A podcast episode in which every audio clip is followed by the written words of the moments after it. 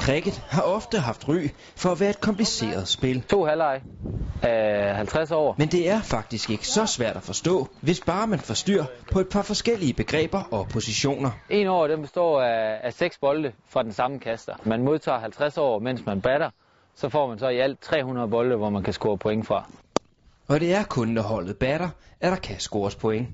Batteren har- står herinde foran gæret. Hans marker står i den anden ende for, for at de kan løbe, når, øh, når bolden bliver ramt. Hvis batterne de vurderer, at de kan nå at skifte ende, øh, inden markholdet kan få fat på bolden og få den kastet ind igen, jamen så får de et point, hvis de løber en gang, og to point, hvis de løber to gange selvfølgelig. Det er vigtigt, at bolden ikke rammer en af overliggerne på gæret, for så er batteren kastet ud. Sagt, som man gør i rundbold, jamen så er han død. Det vil sige, at der skal en ny gærspiller ind. En af de 11, som sidder udenfor. Batteren kan også dø ved at blive grebet ud, og derfor skal hvert hold passe lidt på, hvis de gerne vil batte alle 300 bolde. Der skal så minimum være to, til, der, der batter samtidig. Det vil sige, at man må maks miste 10 gærer.